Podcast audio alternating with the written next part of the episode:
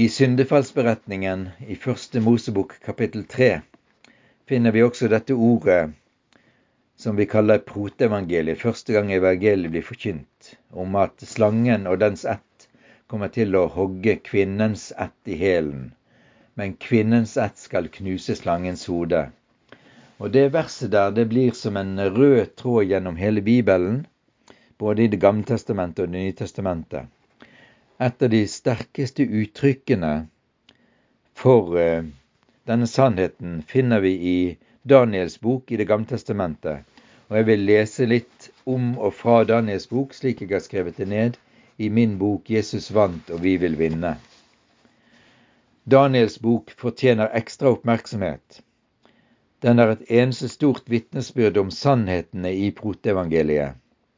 Boken begynner med å fortelle den historiske sammenhengen Fienden har beseiret og ydmyket Guds folk. I protevangeliet er syndefallet rundt det som skjer. Da overga Gud Eva og Adam og deres slekt til slangens angrep. I Daniels bok er det på en måte et nytt syndefall, nemlig det at folket og kongen i Juda har falt fra troen på sin Gud. Derfor ble det slik at Herren overga judakongen Jojakim i kong Nebukadnesas hånd. Men Daniels bok ender ikke med fortellingen om Guds folks frafall, ydmykelse og nederlag, men om total seier. Mellom begynnelsen og slutten på den historien Daniel forteller om, er det en kontinuerlig strid i den himmelske sfære og på jorden, blant folk og riker og blant individer. Etter at jødene var blitt ført i eksil i Babylonia, følger vi i denne boken historien om Daniel og vennene hans. Når vi møter dem første gang, er de unge menn. Daniel følger vi til han er blitt gammel. Gjennom hele livet er han en gudfryktig mann med stor innflytelse, og vi leser fra kapittel 1. Kongen, Nebukaneser, sa til Aspenas, hoffsjefen, at han skulle hente noen israelitter. Men Daniel bestemte seg for at han ikke ville gjøre seg uren, altså med babylonske skikker, med babylonske matretter og religiøs gudsdyrkelse. Da tiden kongen hadde fastsatt var til ende og de skulle føres fram for kongen, disse unge jødiske mennene, førte hoffsjefen dem fram for Nebukaneser.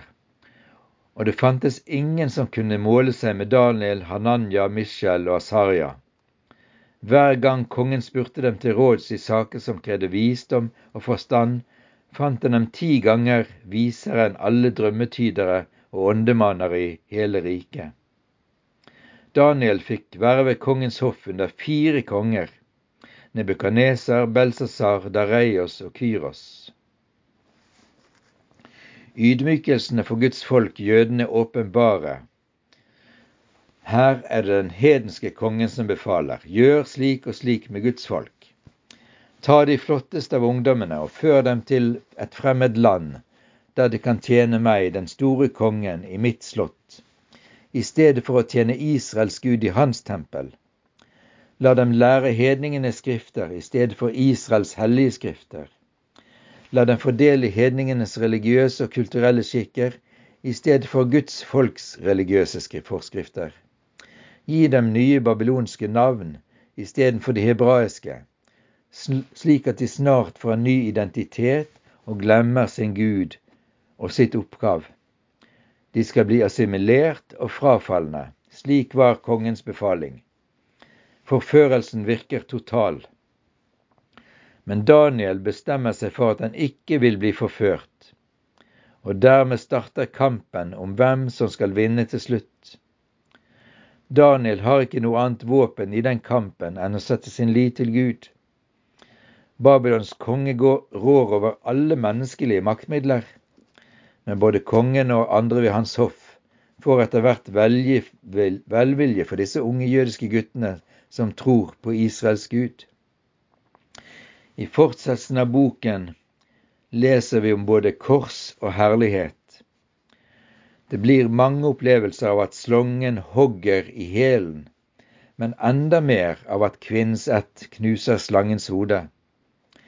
Dramatisk blir det i alle fall, til de grader. de jødiske guttene og det jødiske folket på randen av utslettelse, både for de unge Guds menn og for det lille Guds folk. Daniel og vennene hans vinner første runde, den som dreier seg om mat og drikke. På grunn av Daniels lydighet mot Gud utruster Gud ham for de kampene som vil komme. I det andre året Nebukadneser var konge, leser vi videre i Daniels bok kapittel 1, hadde han drømmer som gjorde ham urolig til sinns, så han ikke fikk sove. Da sa kongen at drømmetyderne, åndemannene, trollmennene og stjernetyderne skulle innkalles for å fortelle ham hva han hadde drømt. Men det er jo en umulig oppgave, så de sier det til han, det er ikke gitt noe menneske å kunne tyde eller kunne fortelle en, gjengi en drøm. Og da befaler eh, eh, Nebukaneser at alle skal drepes. Så leser vi videre fra Daniels bok. Forordningen om at vismennene skulle drepes, ble sendt ut, og de lette også etter Daniel og vennene hans for å drepe dem. Så gikk Daniel hjem og forklarte saken for vennene sine, Hananya, Mishael og Asaya.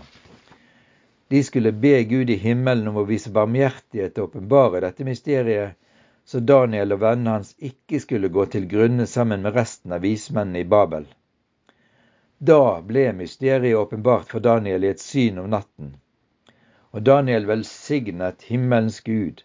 Han tok til orde og sa, Velsignet er Guds navn fra evighet til evighet, for visdommen og styrken er hans. Og så kommer Daniel framfor kongen og sier, Mysteriet som kongen spør om, kan ingen vismann eller åndemaner, drømmetyder eller tegntyder fortelle kongen, men det finnes en Gud i himmelen som åpenbarer mysterier. I disse kongenes dager skal himmelens Gud opprette et rike som aldri i evighet skal gå til grunne, og ikke bli overgitt til noe annet folk. Det skal knuse og gjøre ende på alle de andre rikene, men selv skal det bestå til evig tid. Da, da, da kong Nebukaneser hørte dette, kastet han seg med ansiktet mot jorden og tilba. Sannelig, deres Gud er Gud over alle guder og herre over alle konger. Så ga kongen Daniel høy rang. Han gjorde han til hersker over hele provinsen Babel og til øverste leder for alle vismennene der. Tragedien hadde holdt på å ramme Daniel og de andre jødiske guttene. Men Daniel, Hananya, Mishael og Asarya hadde en løsning som ingen av de andre rådde over, å be til himmelens ene Gud, Israels Gud. En situasjon som truet med total utslettelse av vismennene, er vendt til seier, med det resultatet at Nebukadneser kommer med en sterk trosbekjennelse. Kong Nebukadneser var jo allmektig i sitt store rike. Hans beslutninger om tilbedelse gjaldt uinnskrenket. Han avgjorde skjebnen til dem som ikke fulgte hans befalinger. Jøder som holdt fast ved sin tro, befant seg i den største fare. Det Nebukadneser gjorde, er kopiert av andre stormannsgale diktatorer, også i moderne tid. Stalin og Lenin i sovjetsamveldet Mao i Kina, Sapamurat Niyazov i Turkmenistan, Kim Il-sung i Nord-Korea. Ikke minst sistnevnte krevde en absolutt tilbedelse av seg selv og sin ideologi. Kristne i Nord-Korea levnes ikke mer håp enn Daniels venner. Den som ikke vil la seg forføre, straffes med forfølgelse. Slangen representert ved slike diktatorer hogger kvinnens ett i hælen. Men Guds løfte er at hans gudfryktige folk skal knuse slangens hode. I denne teksten kan vi også dra kjensel på det hemmelige politiet i Sovjetunionen og Øst-Tyskland, KGB og Stasi, og alle andre angivere i et utall av diktaturer. De er av slangens ett, men de skal til sist dømmes og straffes. Vi kan ikke sitere alt som står i Daniels bok, men les den sterke og talende historien. Det er en utrolig sterk illustrasjon til urprofetien om at kvinnens ett beseirer slangens ett. I det følgende i Daniels bok leser vi om Nebukadnesers erkjennelse av at Israels Gud er den ene allmektige. Men Nebukadnesers sønn, kong Belsasar, glemmer sin fars erkjennelse. Han henter gullkar som ble tatt med fra Herrens tempel i Jerusalem, og vanærer dem. Da får han et syn som forskrekker ham. Han ser Skriften på veggen. Ingen av Babels vismenn er i stand til å tyde Skriften utenom Daniel, og vi leser om dette i Daniels bok kapittel 3, 4 og 5. Daniel sier, Konge Gud, den høyeste ga rike og makt, ære og herlighet til din far Nebukaneser. Fordi Gud hadde gitt ham så stor makt, skalv alle folk og nasjoner og tungemål for ham. Men da han ble stor i egne tanker og stolt og håmodig i sin ånd, ble han støtt ned fra kongetronen inntil han forsto at Gud den høyeste rår over menneskenes rike og kan gi det til hvem han vil. Men du, Belsasar, hans sønn, har ikke blitt ydmyk, enda du visste alt dette. Du har oppbøyd deg mot himmelens herre, og dette er tydningen av ordene, mene, talt. Gud har talt ditt kongedømmes dager og gjort slutt på det. Tekel, veid, du er veid på vekten og funnet for lett. Peres delt opp. Det babylonske riket ble delt opp. Så fortelles det da befalte Belsasar at de skulle kle Daniel i purpur, henge gullkjede om halsen hans og rope ut at han skulle herske som tredjemann i riket. Men samme natt ble Belsasar, kalderkongen, drept. Belsasar æret Daniel men det fortelles ikke at han gjør Gud ære. Slangen hadde forført ham til å vanære det som hørte Gud til. Fordi han ikke ga Gud ære, ble han selv knust. Og Så leser vi videre i Daniels bok kapittel 6. Etter at Belsasar ble drept, overtok mederen Dareios makten over det mektige riket. Kong Nebukadnesers ord om at Gud i all sin allmakt opphøyer og ydmyker, innsetter og avsetter konger, gikk i oppfyllelse. Den som ydmyker seg selv, blir opphøyet av Gud. Den som opphøyer seg selv, blir ydmyket av Gud. Den som viser trass mot Herren, blir avsatt av Gud. Den som bøyer seg for Gud, blir innsatt av Gud. Kong Dareios sine ministre ønsket å få Daniel avsatt, for det var en usedvanlig ånd i Daniel, fortelles det. Det gjorde de andre ministrene misunnelige, men de hadde ikke noe å anklage Daniel for utenom hans gudsdyrkelse. Med denne anklagen fikk de dømt Daniel til å bli kastet i løvehulen. Det var imidlertid en smerte for kongen som satte Daniel høyt. Derfor ble gleden desto større da han fant at løvene ikke hadde drept Daniel. Så fortelles det. Deretter skrev kong Dareios et til folk og nasjoner og tungemål over hele jorden. Rikelig fred. Hermed gir jeg påbud om at overalt i mitt kongerike, så langt mitt velde når, skal folket frykte og skjelve for Daniels Gud. For han er den levende Gud. Han blir til evig tid. Hans kongerike går ikke til grunne, hans velde er uten ende. Daniel hadde stor framgang mens Dareios og perser og perseren Kyros var konger. Daniels bok er en bok som er elsket av den forfulgte kirke. Det er lett å forstå. Samtidig er den fryktet av politiske ledere som forfølger Guds barn. I kommunisttidens Etiopia ble de politiske lederne rasende på den kristne lederen Gudina Tomsa da han leste og forkynte fra Daniels bok. Men hva gjør den kirke som holder på, å bli forført med Daniels bok? Den kirke som går på, på kompromiss med Guds ord. Daniel og vennene hans nektet å bli, la, la, seg bli forført. De ville ikke gjøre seg urene, heter det. Den forfulgte kirke frykter og elsker Herren sin Gud mer enn den frykter satraper og løver. Men den forførte kirke frykter nettopp satrapene, lovene, ildovnen og løvene mer enn Herren.